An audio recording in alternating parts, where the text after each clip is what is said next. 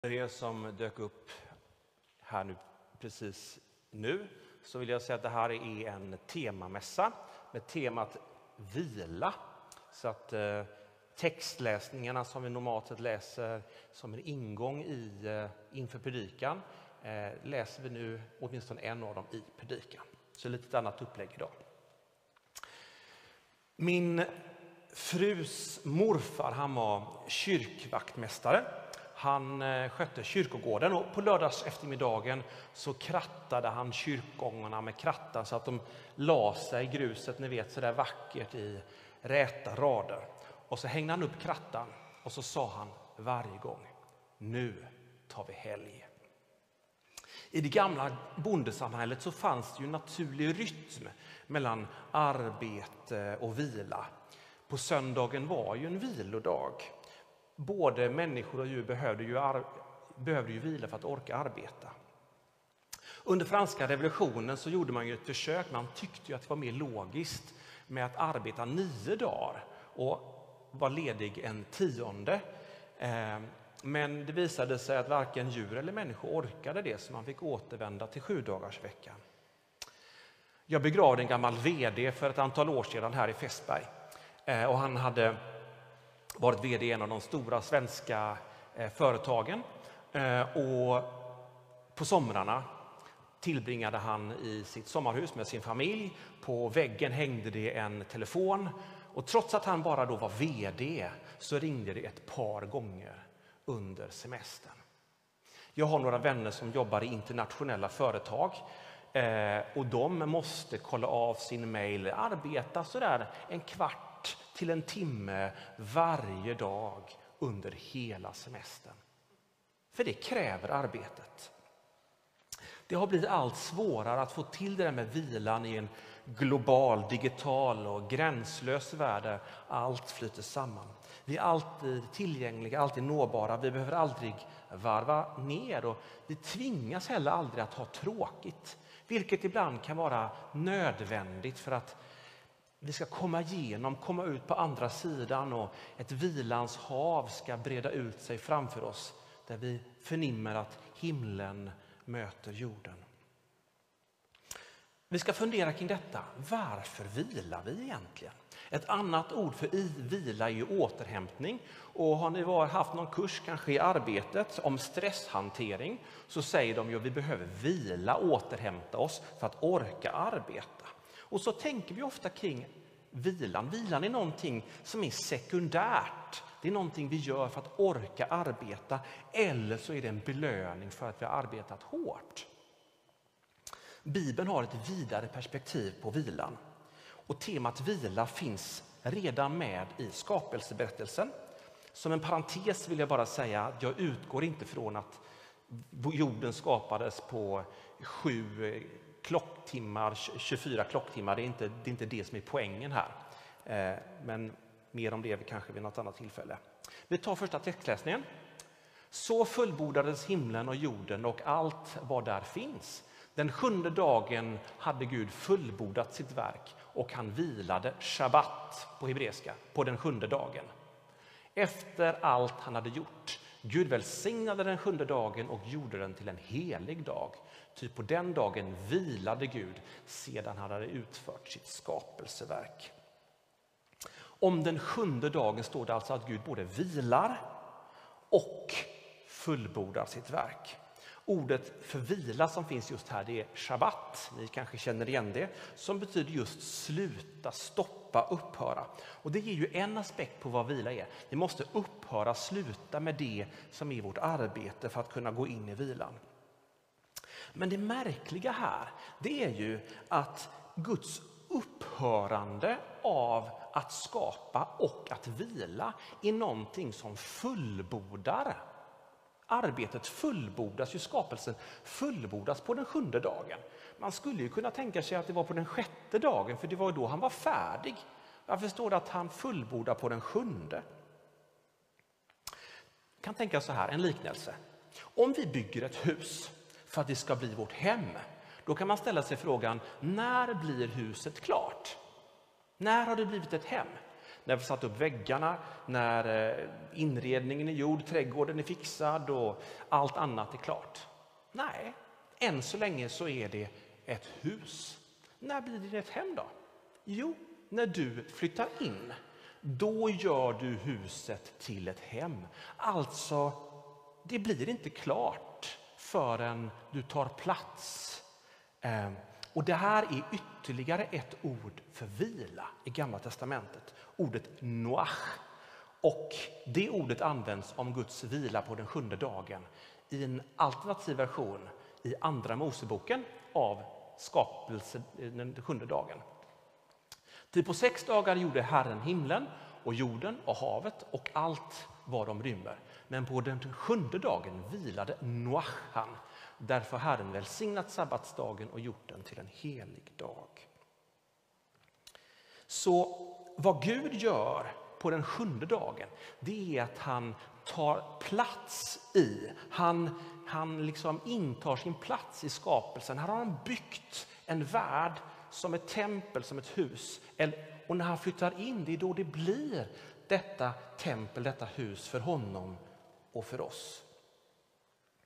Men varför flyttar han in? Vad, ska han göra nu? Och vi har en liten ledtråd längre fram i skapelseberättelsen. Ta den här. Herren Gud tog människan och satte Noach, henne i Edens trädgård, att bruka och vårda den.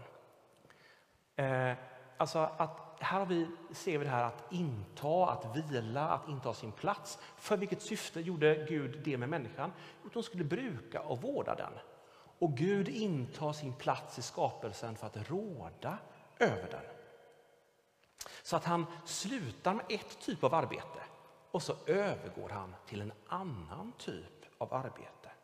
Hur ska vi förstå detta? I Guds grundtanke med människan så ingick det vila i, ingick det arbete i vilan. Men inte ett arbete som sliter ner och som är tungt och tar kraften ur oss. Utan ett arbete som är fyllt av glädje, som ger energi, som gav avslappning. Och att arbeta på det här sättet var Guds grundtanke från Gud för oss när vi som hans viceregent och medskapare skulle vårda och bruka den här världen. Vad innebär det här för vår vila? Vad innebär det här för vår semester kanske i år? Jo, det innebär att så, inte, så länge vi inte tar ett steg tillbaka och bara är i det som är vårt liv, som vi ofta har byggt upp under ganska hårt arbete, så blir det inte vårt arbete färdigt. Vårt liv, vi kan likna det vid ett hus. Det kan på ett sätt vara vackert och väldesignat, men det blir öde och tomt om inte vi är där i ett varande. Vårt arbete blir alltså inte klart förrän vi vilar. Och då infinner sig den där känslan som ofta gör när vi ständigt är upptagna. Vi springer runt i det berömda ekorrhjulet. Så, när du ligger i hängmattan i sommar, när du umgås med dina vänner, när du bara är i det liv som du har format, då blir ditt liv ett hem. Då blir ditt liv ett tempel där Gud och du bor tillsammans.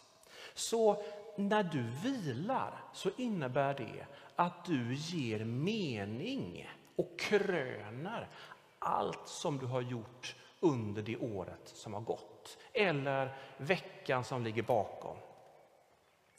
Utan vilan så blir huset tomt och djupast sett och till slut blir också arbetet meningslöst. Så vi vilar inte bara för att orka arbeta, vi vilar inte bara för att vilan är välförtjänt. Vilan är något som Gud har skapat oss för. För att den här världen ska bli ett hem för oss och för Gud. Men vad ska vi göra när vi vilar då? Det finns ju gamla föreställningar att när man vilar då får man inte göra någonting. Då ska man sitta på en stol och vara sysslolös. Men i Edens trädgård, Adam och Eva de var ganska sysselsatta där. Och det vi ska tänka kring, det vi ska göra, det är det som ger glädje, det som ger energi, det som, gör, som vi kan göra avslappnat, det som gör att när vi efter vi har gjort det känner att nu har livet återvänt. Och vad det betyder, det vet ju bara du om, vad som är ett arbete i vila just för dig. Vi vilar alltså för att vårt arbete ska fullbordas och vårt liv ska bli ett hem för oss och Gud. Det var den första delen. Då tar vi nästa text. Ja, där hade vi den redan uppe. Ja, bra. Eh, Gud skapar världen på sju dagar och om varje dag står det. Det blir kväll och det blir morgon. Och så det var det den första dagen och sedan den andra dagen och den tredje dagen. Men sen när vi kommer fram till den sjunde dagen så nämns varken morgon eller kväll. Och det finns en, en tanke bakom detta, den här litterära strukturen. Och det är att den sjunde dagen är en symbol för en dag utan början och utan slut. Alltså, det är en symbol, ett tecken på den, att hela skapelsen är tänkt att mynna ut i en dag då allt är klart, då det är vila för människan och för skapelsen och Gud. Eh, där vi råder över den här världen tillsammans med Gud i en glädje som varar för alltid. I hela Bibeln så återfinns talet sju på lite olika ställen, på många olika sätt. Och Det är för att påminna oss om att hela den här, man kan se hela världshistorien som en sju dagars vecka som har ett mål, som har ett syfte att mynna ut i den stora vilan för oss människor och för allt skapat. Och därför är det så att den sjunde dagen, eller vilodagen, eller vilan om vi så vill, vi är ju inte ålagda att som judarna vila varje lördag, men symboliskt sett, vilan är tänkt att påminna oss om att hela tillvaron har en riktning, en, en, en fullbordan när den stora vilan kommer. Och på vilket sätt då? Jo, vi ska låta vilan gestalta och forma och ge ett uttryck för evighetens glädje och frid. Vi bjuder in att göra Gud eh, en begränsad viloperiod till en försmak av den stora vilan. Så vi vilar alltså för att hålla hoppet levande om hela skapelsens och mänsklighetens förvandling, upprättelse, frälsning så att den stora vilan kan komma. Så vila har med hopp att göra också. Så när du sitter och tittar på solens nedgång i sommar eller när du är ute och vandrar eller när du badar eller gör allt det där andra som du gör av hjärtats lust.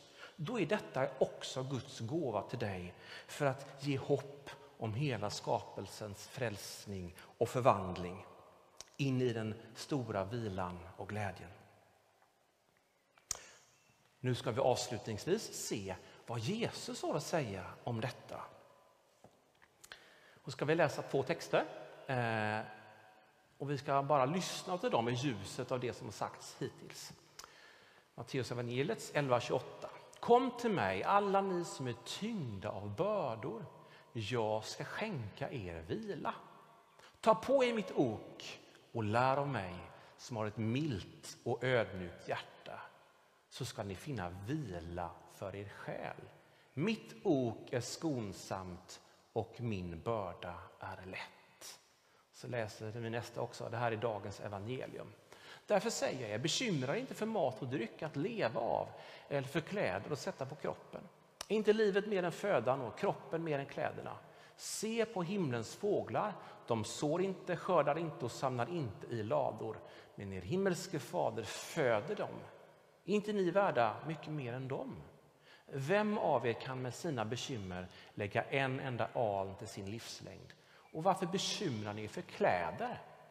Se på ängens liljor hur de växer, de arbetar inte och spinner inte.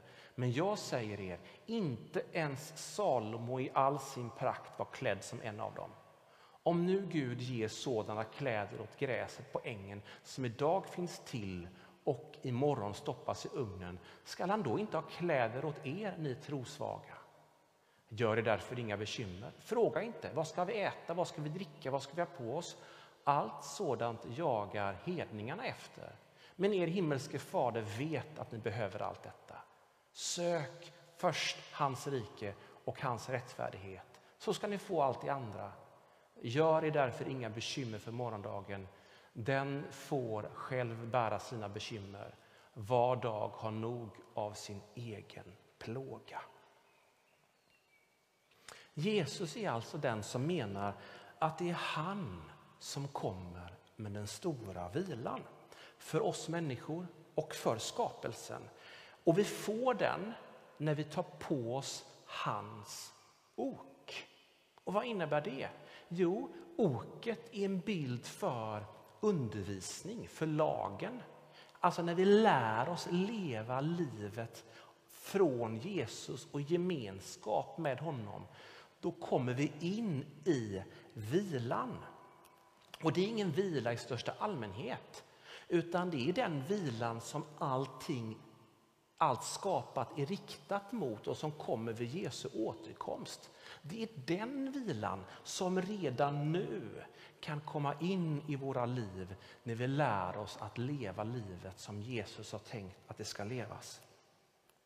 Och Jesus vill lära oss detta liv för att vårt liv inte ska vara ett tomt skal, inte ett tomt hus, utan ett vårt hem där vi och Gud bor tillsammans. Men också för att det som är vårt arbete, vårt, det arbete som vi många gånger tycker är tungt och mödosamt, allt mer ska få bli ett arbete i vila. Ett första steg att lära sig detta från Jesus det är att ta vilan på allvar denna sommar. Göra det vi behöver för att få en vecka eller några veckor, en tidsperiod där vi bara kan vara i vårt eget liv. Så att det blir ett hem, ett tempel för Guds närvaro. Så kan vårt arbete under det gångna året fullbordas denna sommar.